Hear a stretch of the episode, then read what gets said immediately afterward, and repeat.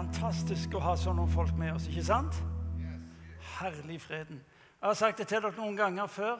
Du kommer sånn sigende her inn, og klokka er to minutter over seks, eller noe i den duren. De har vært her i timevis og øvd for at du skal ha en opplevelse at uh, Gud er her, og du er for hans godhet. Så uh, det er helt riktig. Gi dem en klapp til.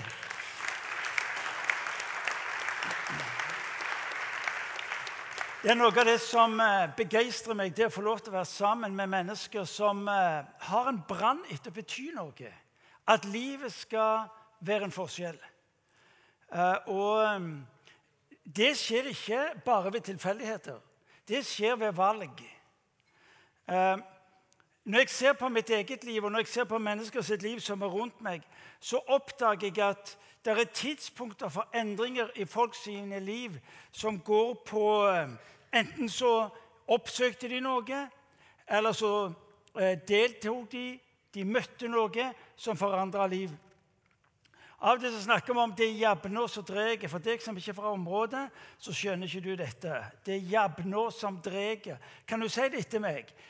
Jabnå som drar. Det betyr at det som skjer regelmessig over tid, det er det som har betydning. Ja, det stemmer når du vet hva retning du skal dras imot. Eh, når Imi kirke, La meg et eksempel. Når Imi kirke til tider har konferanser, så er det tidspunkter i livet ditt hvor ditt liv kan få lov til å få en retning og kraft på den retningen som du sjøl ønsker, eller som Gud ønsker for livet ditt. Når Imi kirke har konferanser, så er ikke det for de spesielt interesserte, men det er fordi vi tror at med slike settinger, med slike møtepunkter, så skjer det forandring med livene våre som har konsekvenser for hverdagen. Og så er det jevner som dreier. Les i det bibelske materialet. Du oppdager det igjen og igjen. De gjør en erfaring med Gud, det får konsekvenser for livet, og det gir dem retning. Eh, når Imi kirke har åpen himmel, f.eks. konferansen som er begynnelsen av semesteret i eh, september og januar Målsettingen med de konferansene det at du skal gjøre erfaringer som har konsekvenser for livet ditt. Eh, vi kaller det for en kairos, en erfaring av Guds inngripen i livet vårt. Og La meg si det slik. Eh, dere har hørt meg sitert det mange ganger fordi det er så bra sagt.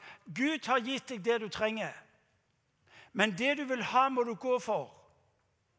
La meg gi deg et eksempel. Jeg ser at Jan Sigurd er ikke her i dag. Jan Sigurd Moi en av de gode venner av huset.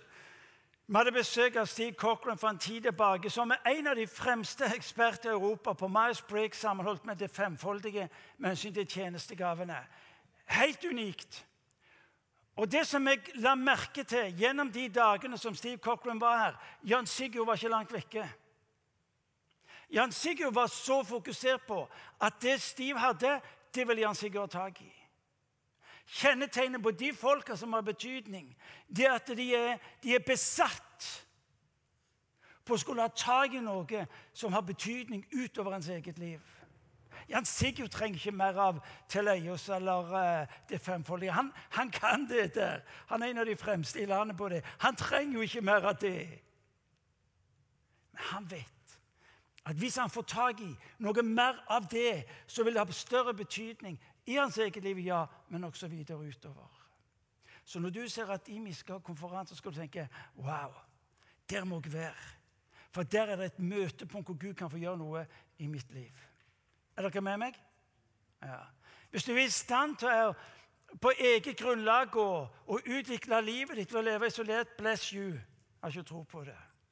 Men sammen med andre, hvor det er gitt en arena hvor ditt liv har mulighet for osv. Det er det du inviteres til. 9. til 11. november får vi besøk av Dave Ferguson.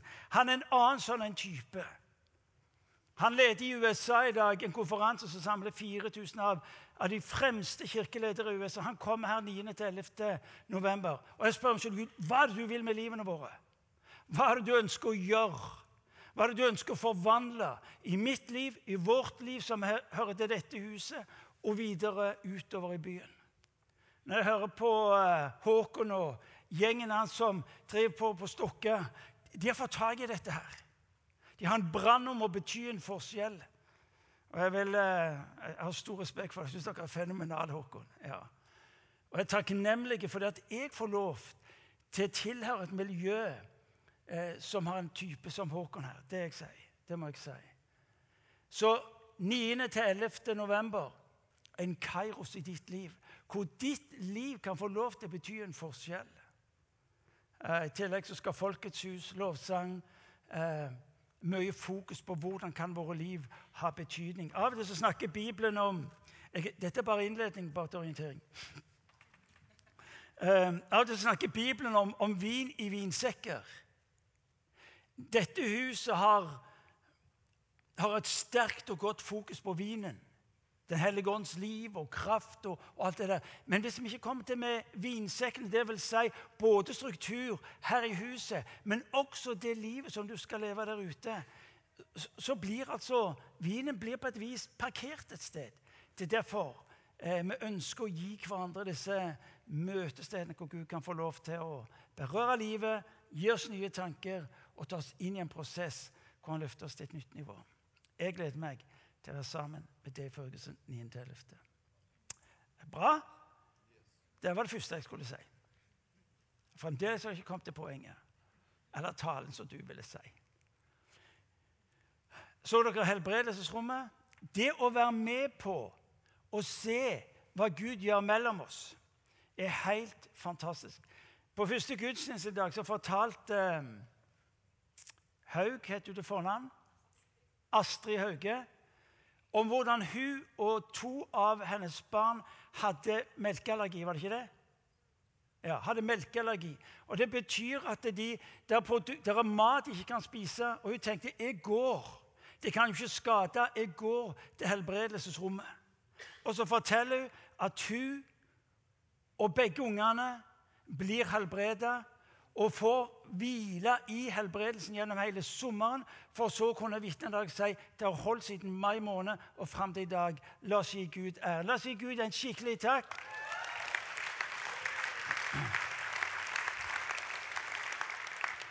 Og om du opplever at Gud gjør ting i livet ditt, så ikke brenn inne med det.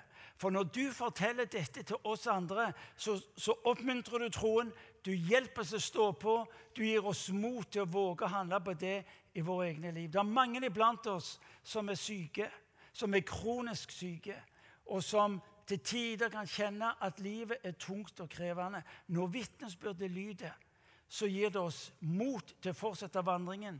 Det gir oss mot til å våge å søke Gud for helbredelse. Det gir oss mot til å våge å tro at Gud har kontrollen på livet mitt, selv om de ytre omstendigheter ikke forandres. Jeg synes det var fantastisk å høre Astrid fortelle om hvordan Gud velsigna henne i eh, mai måned. og fortelle om det. Jeg syns kanskje det gikk litt lang tid før vi fikk høre det. Trenger ikke vente så lenge. Fortell det med en gang du opplever at det har skjedd noe i livet ditt. I dag skal vi altså snu fokuset en annen vei. Vi har hørt gjennom hele september måned å leve med Jesus i hverdagen. Vi har uh, fått en forkynnelse som har vært befriende, oppmuntrende og gitt oss konkrete bilder på hva, dette, på hva dette kan bli. Og så tenker vi veldig lett hvis jeg bare gjør det jeg tror jeg skal gjøre, så blir livet bra. I kveld så skal du få høre om en mann, og vi skal lære av hans liv, eh, som ikke, selv om han hadde hørt og forsto på sitt eget liv hvilken posisjon han hadde for livet sitt Han mista 13 år av sitt liv, av de mest verdifulle vil vi si, perioden mellom 17 til ca. 30 år. Han bar med seg drømmer, han bar med seg klare signaler om at han var utpekt til både å lede resten av familien, virksomheten, og skulle ha stor betydning. Og mens han der som ung mann bare venter på at det skal ta av, så er det noe som skjer med livet hans. Og alt blir skjæring. Hva gjør du når livet blir skjæring? Hva gjør du når du opplever at det går ikke den veien du hadde trodd? Hva gjør du når du opplever at der jeg trodde alt skulle gå rette veien, så stopper det opp?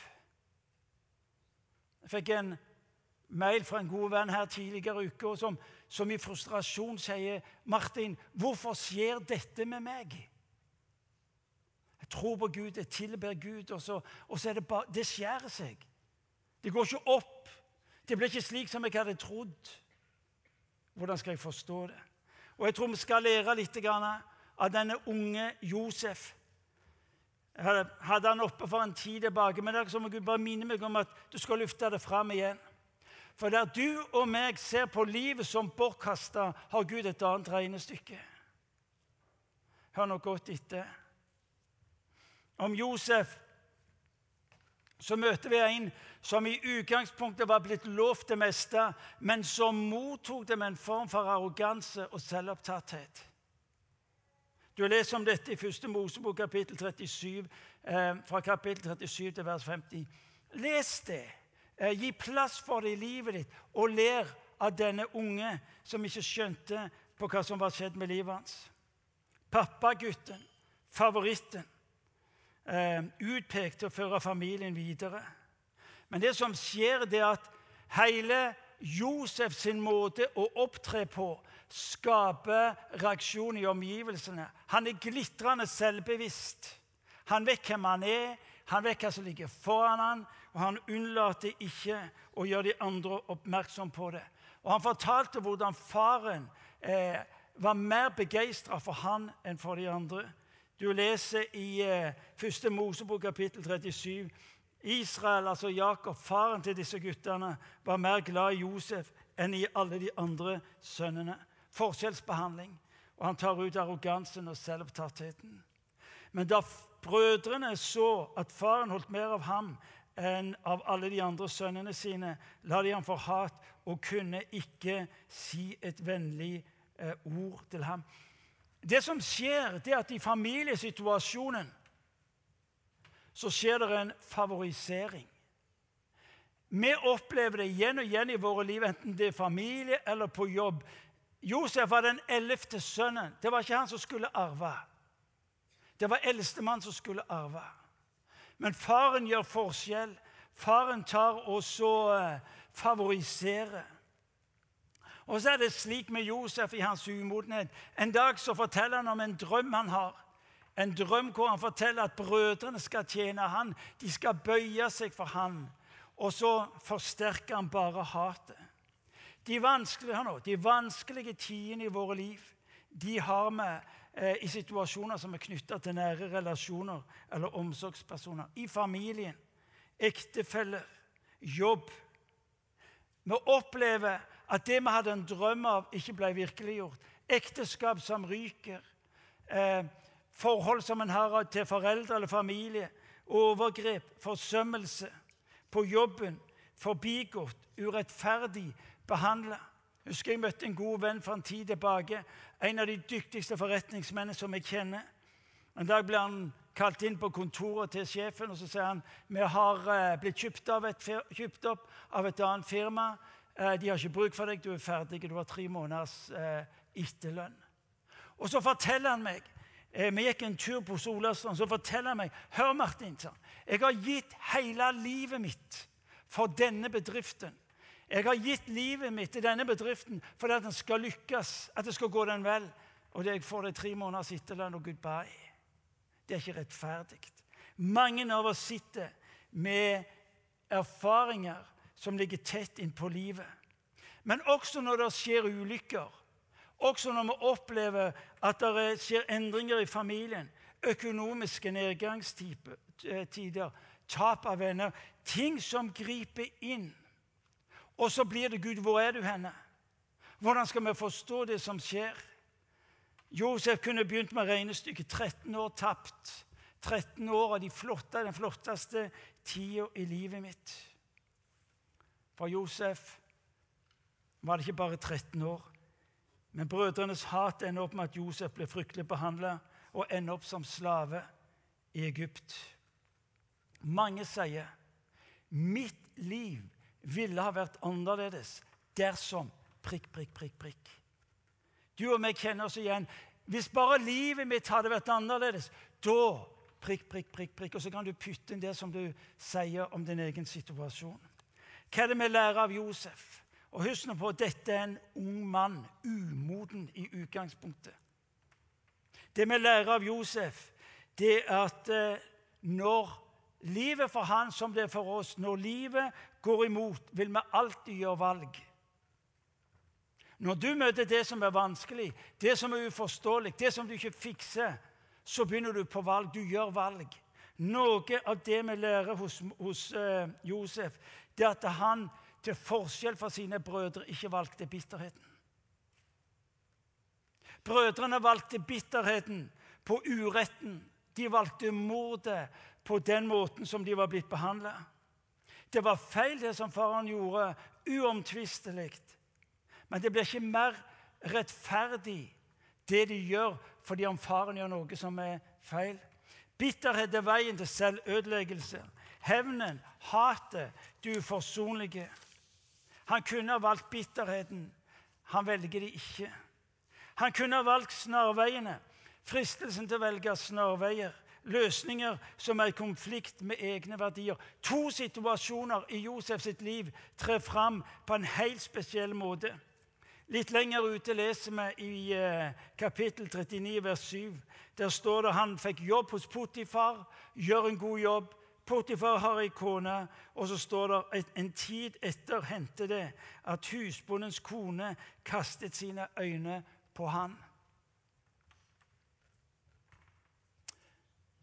Josef kunne sett på det som en glimrende mulighet til å komme ut av slaveforholdet. Han kunne ha valgt snarveien som gikk på at han innleda en god relasjon til kona til sjefen. Og så ville det gå bra. Nye muligheter, åpne dører, ny posisjon. Ferdige med slavestempelet. Vi kan velge snarveien, som betyr at vi holder oss inne med de rette menneskene som gir oss privilegier, som gir oss posisjonen.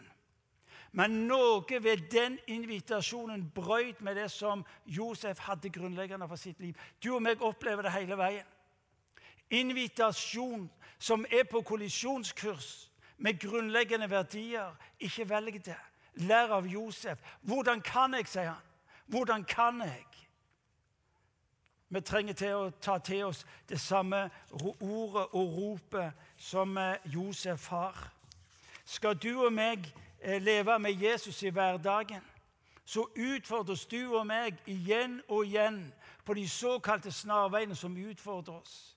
Hvordan kan jeg? sier Josef.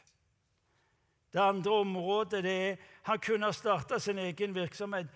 I denne situasjonen som Josef lever i, så blir det klart at Gud har salva han med spesielle egenskaper, bl.a. å forstå drømmer. Nå han ryddig han sier det er ikke meg som rår for drømmene, det er det Gud som gjør. Og så forteller han det er Gud som rår for tydningene og drømmer. Si meg hva dere har drømt. Drømmetydere har hatt en helt spesiell plass inni denne kulturen. Josef kunne ha tjent seg styrtrik om han bare hadde valgt å utnytte det Gud gjorde, eh, hadde velsignet han med, til egen vinning. Gud har velsigna meg. Skal jeg, skal jeg ikke da bruke det? Skal jeg ikke bruke det Gud har gitt meg til? å... Og så kommer en hel masse argumenter. Han kunne bygd en plattform for egen virksomhet. Han kunne ha skaffet seg makt. Han kunne latt rykte om sine ferdigheter nå de rette folk, og han ville fått posisjonen. Så tok han ut av slaveriet. Så tok han ut av marerittet. Josef valgte ikke å gjøre det. Du og meg utfordres på det kontinuerlig. Ikke velg snarveien. Ikke velg det lettvinte fordi om livet er vanskelig. La oss fortsette å lære litt av Josef. Josef vandra med Gud. Josef vandra med Gud. I trengselstidene, i det urettferdige, i uvissheten. Det står litt lenger nede Herren var med Josef. Relasjonen mellom Josef og Herren var av en sånn karakter at Josef ble værende i det som opplevdes vanskelig. Ikke fordi han valgte det, men fordi han venta. Hør nå godt etter. Han ble værende i det ikke fordi han valgte det, men fordi han venta på han som hadde lovt at han ville la sitt nærvær gå foran ham.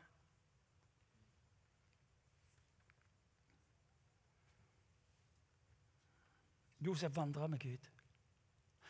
Det er et av de sterkeste vitnesmålene jeg kan høre om et menneske. Uansett hva du holder på med, uansett hva du gjør, uansett hvilken betydning du har. Josef vandra med Gud. Det var vanskelig, det var utfordrende. Da aner meg at han hver enda dag spurte Gud, hvorfor lar du dette skje? Hvorfor tar du meg ikke ut av dette her? Og så lyder vitnesbyrdet på Josef sitt liv at Gud, at Josef vandra med Gud. Jeg vet ikke hva som er din situasjon. Jeg vet ikke hva du skulle ønske var annerledes. Men det jeg vet, det er Gud har lovt at han vil la sitt nærvær gå foran deg. Det var dette som styrte Josef sitt liv. Og det var dette som også førte han videre. For legg merke til Josef var ikke opptatt primært med å komme ut av, men å leve ut av den situasjonen han var i. Det er gyselig godt sagt. Josef var ikke primært opptatt med å komme ut av den situasjonen, men å leve ut ifra den situasjonen han var i. Og ut ifra det blir han til velsignelse. Og det står fra den tid Egypteren satte ham over sitt hus og over hele sin eiendom, velsignet Herren hans hus for Josefs skyld. Herrens velsignelse hvilte over alt han hadde, både i huset og på marken. Jeg vet ikke hva som er din situasjon, men hører du ordet? Det at du skulle ønske at sola brøyte gjennom det tette skydekket som lå over livet ditt. Mens du er opptatt med at situasjonen ytterst sett skal endre seg, så lyder vitnesbyrdet om Josef. At Gud velsigner omgivelsene på grunn av Josef.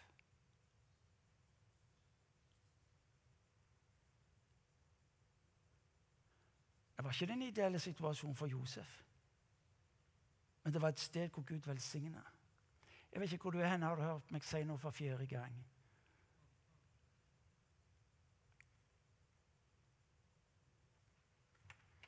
Av og til så blir livene våre en flukt fra det som er komplisert og ukomfortabelt. Av og til så blir livene våre en, et fokus på jeg må gå klar det som ikke lenger er kjekt og trivelig. Nå sier ikke jeg at nå skal vi bare sitte i stolen og vente at et eller annet kommer og går over. Men hvis du hele veien er underveis og på flukt fra det du opplever er vanskelig, så vil du heller aldri kunne lande og se det Gud har for deg i det som er vanskelig. Er dere med meg? Mitt vitnesbyrd har noe med det å gjøre, og jeg kjenner mange som har vært i akkurat samme situasjon.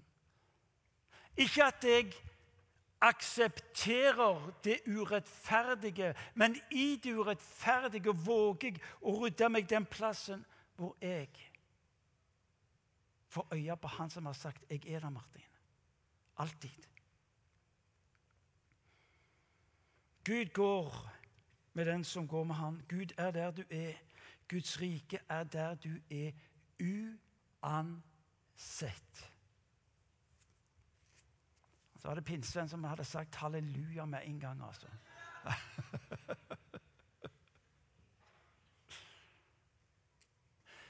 Fordi at Josef lar ikke livet sitt defineres ut fra omstendighetene, men han lar det definere ut av Gud er her. Det er en totalt annen forskjell. Altså, han lar ikke livet sitt defineres ut ifra omstendighetene. Omstendigheter som så oftest skulle representere mulighetene, drømmene og alt det jeg ville. Han lar livet sitt defineres ut ifra at Gud er med han.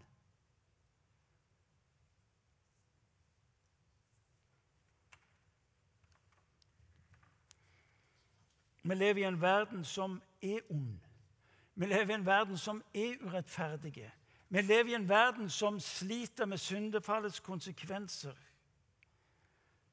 Men jeg møter til tider mennesker som er sjokkert over at de gjennomlever vanskelige tider.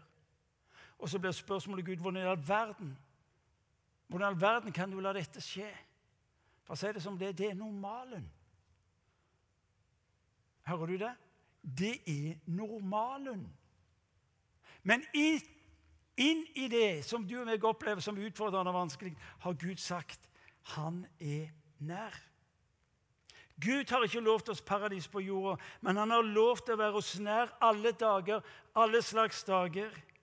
Vi i denne verden er på samme kår som alle andre mennesker. Det står han lar det regne over både rettferdige og urettferdige. Som sola og regnet og motgangen treffer menneskene i denne verden, treffer de også deg og meg. Men Gud er med oss.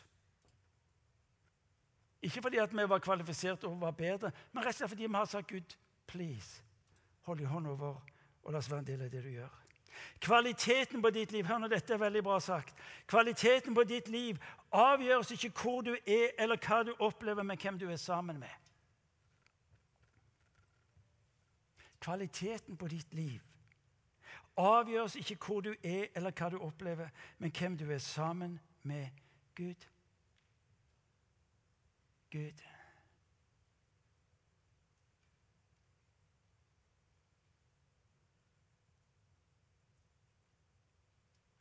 husker jeg lå i helikopteret, hadde fått infarkt. og i, var i helikopteret på vei fra hytta og på Jøssang til, til sykehuset. Og jeg tenkte Herlig freden. Ja, men dette går ikke, tenkte jeg. Jeg hadde forberedt preika til søndag. For det var derfor jeg var der. Og så sa jeg Gud, ikke tale om. Ikke tale om. Tida er ikke inne. Jeg er ikke ferdig. Du må gi meg en runde til. Kom inn, og de fikk liv i meg òg. Eller de klarte å, å, rette opp det som var ødelagt. Infarktet opptok meg ikke i det hele tatt. Var jeg spesielt from? Jeg har ikke med det å gjøre. Men vissheten om at han var i det, ga meg en enorm frimodighet på å si Kom an! Jeg, eh, jeg er ikke ferdig ennå. Og har fått lov til å fortsette. Preika holdt jeg 14 dager seinere.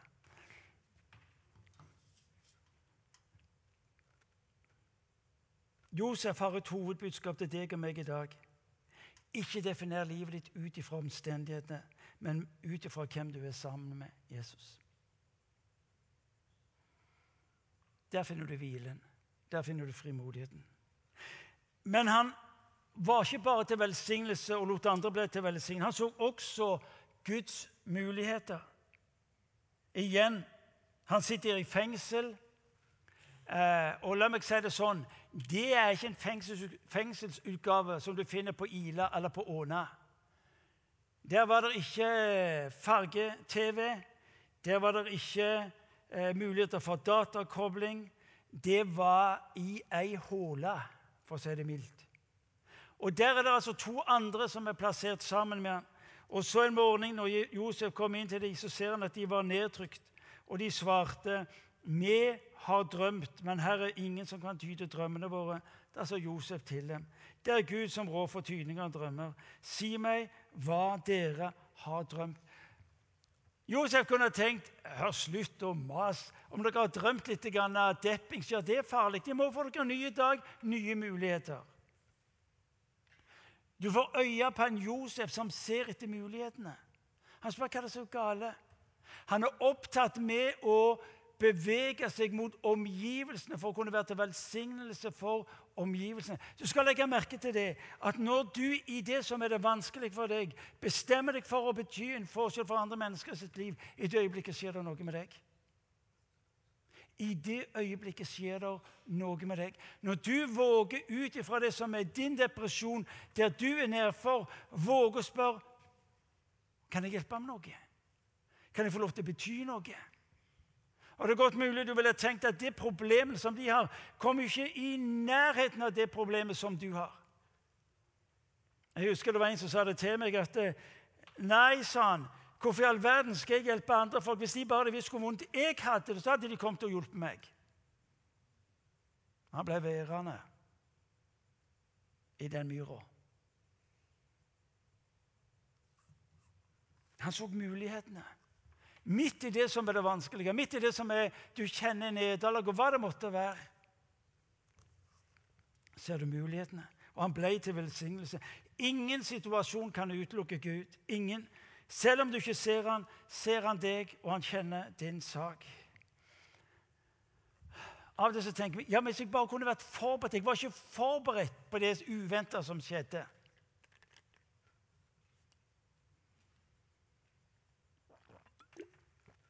Hvordan forbereder jeg meg på det uventa? Ved å holde meg nær til Gud. Hvordan forbereder jeg meg på det jeg ikke kontrollerer? Ved å holde meg nær til Gud. Gud tar ett svar. Han sier 'søk meg'.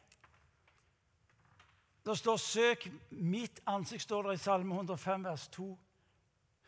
Og Det er nesten som Gud sier, for når du ser ansiktet mitt, så, så ser du du trenger ikke være redd.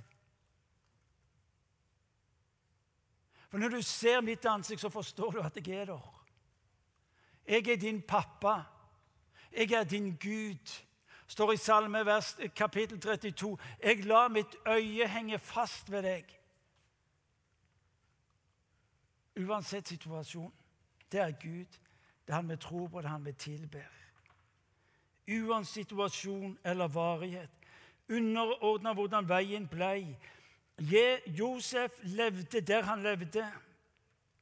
Altfor mange mennesker venter på at ting skal forandre seg før de våger å leve. Det som fascinerer meg med Josef, er at han slutta ikke å leve fordi om livet var vanskelig.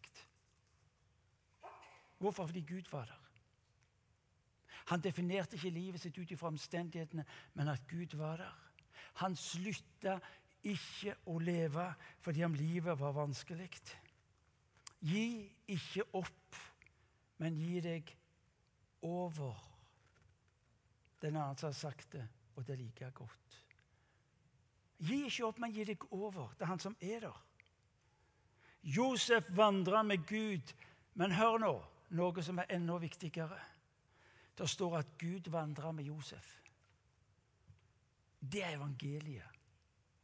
Gud vandrer med Josef. Men Herren var med Josef, så lykken fulgte han. 1. Mosebok 39, vers 2. Gud søker mennesker som han kan få støtte, som han kan få lov til å velsigne, som han kan få lov til å ta inn i det som er av hans. Josef hadde som guttunge hørt løftene fra sin far Jakob. Han kjente Israelsfolkets historie om hvordan denne mektige Javé hadde grepet inn om velsignelsene de hadde erfart, og velsignelsene og planene som, de hadde, som han hadde for folket. Og at han skulle få lov til å være en del av disse planene. Det var en stor forskjell på de løfter som faren hadde gitt sønnen, og det han opplevde på sitt eget liv. Men et eller annet der inne hadde ikke sluppet tak i ham. Ordet som han hadde hørt, hadde plass i livet hans. Herren var med Josef. For et utsagn! For en forskjell! Håp, kraft, muligheter. Og Det fascinerende er at omgivelsene så at Herren var med Josef. Omgivelsene så det, og han ble til velsignelse. Hør igjen, Gud bruker deg der du er, ikke der du skulle ønske deg å være. Uansett situasjon. Gud bruker deg der du er, uansett ikke der du skulle ønske det. Det å være på jobben, det er i en ulykkelig familiesituasjon. I familie. Gud bruker deg der du er. Fordi han har sagt han er deg nær. Og Josef sitt vitnesbyrd på slutten av hans liv eh, kommer til syne når du får tak i hvilke navn han gir til sine barn. Se for deg alle de gangene som Josef, når han ropte etter sine sønner Hør Manasseh, som betyr 'For Gud har latt meg glemme all min møye'. Hver gang han ropte etter Manasseh, så var det 'For Gud har latt meg glemme min møye'. Når han ropte etter Efraim, 'For Gud har gjort meg fruktbar' i det landet hvor jeg led ondt. Hver gang han ropte Efraim, så ble han minnet på hva navnet betydde. Og så talte han til sitt eget liv. Og så talte han til sin egen sjel og til sin egen ånd. Josef var fri. Fengselet. Josef var fri de ytre omstendigheter fordi han var fri på innsida med den troen han hadde på Gud. I, de vanskelige dagene er det ikke alltid lett å se Guds hånd. Det er alltid lettere etterpå. Men i de vanskelige tider lærer vi av Josef bekjennelsen på Han som har sagt at han er der. Det var det. Det med halleluja.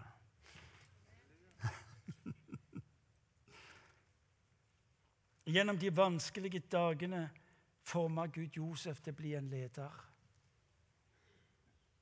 Skriften sier at alt tjener den som frykter og elsker Herren. Skriften sier han er den som vender. Han er den som vender det onde til det gode. Gud tok Josef, holdt han ved hånda og gjorde han til en leder av betydning. I've made the Lord my home, står der i en oversettelse. I det som er vanskelig. I made the Lord my home. Det er ingen situasjon som er for svart, ingen situasjon som er for vanskelig, ingen situasjon som du og meg skal kunne plassere Gud i forbi. Bli i meg, sier Jesus, så blir jeg i dere. Og så står vitnesbyrdet. Farao sa til sine menn, tro om vi finner noen mann som har Guds ånd slik som han. Josef valgte ikke denne tida. Han hadde ikke oversikten. Du kan regne med han gjerne ville ut av det, men midt i det håpløse og umulige var det rydda en plass for han som har sagt 'Jeg er nær deg'. Og så ser du på slutten, og så skal jeg begynne å slutte. Så ser du på slutten av hans liv. Arrogansen og selvopptattheten er borte. Nå er den bytta ut med nåde. Første Mosebok, kapittel 42, sier han, 'Jeg er en mann som frykter Gud'. Er en mann som frykter Gud. Frykter, trygg på, har tillit til, har lagt mitt liv foran. Og så står det en underlig beretning som, jeg, som sier noe om den vandring som, som, Josef har hatt. Jakob og hele Israel flytter til Egypten. Og så dør Jakob. Og igjen så er sønnene, de andre sønnene, brødrene til Josef. Og de tenker ok, nå er Jakob død. Nå kommer han til å utføre den hevnen og den straffen imot oss som vi fortjener. Og Så ser eh, Josef dette, og så sier han til dem Men nå skal dere ikke være bedrøvet eller urolige fordi dere solgte meg hit. Det var jo for å berge liv at Gud sendte meg i forveien for dere. Det var jo for å berge liv at Gud sendte meg i forveien for dere. Jeg vet ikke hva som er din situasjon. Men der du ser håpløsheten, der du ser det som godt kunne vært annerledes. Der du ser at urettferdigheten godt kunne blitt bytta ut med rettferdighet. Også you name it. Så er det nesten som om Gud sier inn i ditt og mitt liv La dette få lov til å være min mulighet til å bruke deg på en ualminnelig måte og for mennesker rundt deg. For hvis du gjør dette kun til et mareritt, så blir det et mareritt. Gjør du dette til den Guds mulighet som han har sagt han vil bruke, så blir det muligheten til forvandling. Hør, sier Josef til sine brødre. Det var jo for å berge liv at Gud sendte meg i forveien for dere. Han kunne ha valgt bitterheten og hatet og ved det være bundet. Du og meg utfordres på valg. Valg som binder oss, eller valg som setter oss fri. Vi har snakket om å leve med Jesus i hverdagen. Dagens preken gjelder livet. Kanskje har du en historie, vanskelige. Kanskje har du en historie hvor du spør Gud hvor er du Mitt spørsmål til deg blir i kveld hva vil du la Gud gjøre med din historie? Vil du la Josef få lov til å tale inn i livet ditt? Vil du våge å stoppe opp og si Gud, hva, hva lærer jeg av Josef for mitt liv nå? Din utfordring er egentlig ikke din fortid, men din fremtid. I dag starter resten av ditt liv. I dag er den Gud til stede som har sagt 'Sett en vei i min hånd'. Kanskje er du midt oppe i de vanskelige situasjoner og opplever de vanskelige dagene. La vitnesbyrden om Jakob få lov til å fylle deg med tro og hvile, uansett situasjon. Gud velsigne. Gud velsigne deg og gir deg muligheter til å være til velsignelse. Det betyr at når du mandag og ut gjennom uka vet hvor du er hen, og du kjenner det vanskelige og umulige, så la bønnen bli Gud. Hvordan kan mitt liv være til velsignelse? Hvordan kan mitt liv få lov til å ha betydning? Hvordan kan mitt liv få lov til å representere endringen i de umulige situasjonene på jobben eller familien? Gud har ikke trukket seg ut. Gud har ikke forlatt. Gud velsigner deg og gir deg muligheter til å være til velsignelse.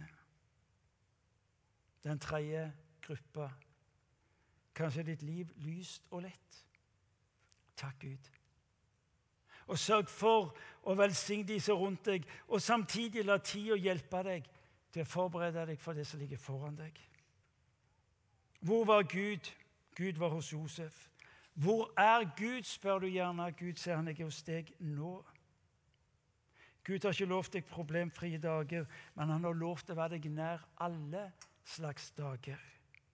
Du er Guds barn, og Guds ord lyder til deg. Ta imot det. Lev det.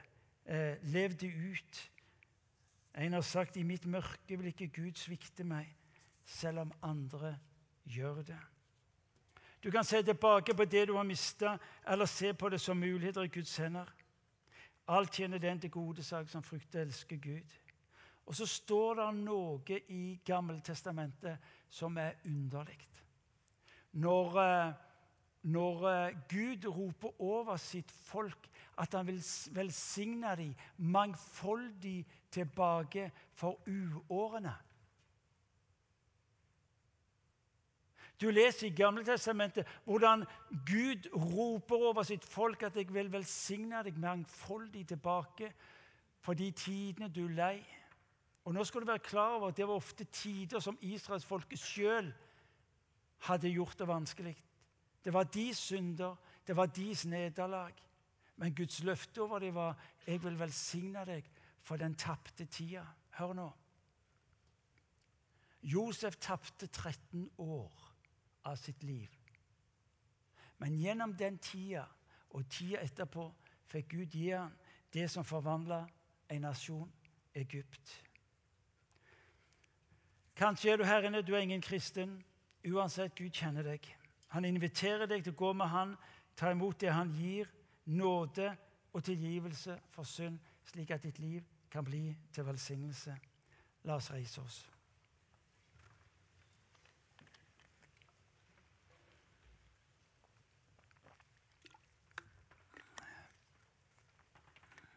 La meg få lov til å utfordre deg.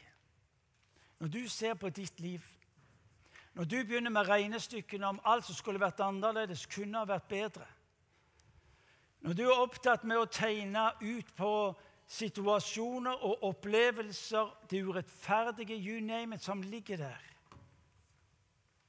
så gjør det. Og så vil jeg at du skal spørre Gud vil du hjelpe meg til å se deg i dette. Vil du hjelpe meg til å våge ditt nærvær i det jeg ikke forstår?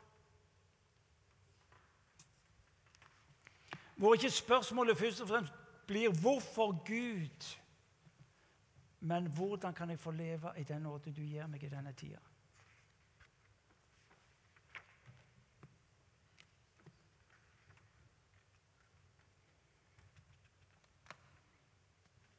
For noen av dere tror jeg det er du må, du må slutte å flykte ut av det som er vanskelig. Men våge å la Gud få lov til å møte deg i det som er det vanskelige, for gjennom det han får ta deg inn i det som er sitt. Jeg sier ikke at du skal slutte fred med det umulige, urimelige og urettferdige. Men jeg sier du skal i det si Gud, hjelp meg til å se deg i det jeg nå er i. Og gjør det lenge nok.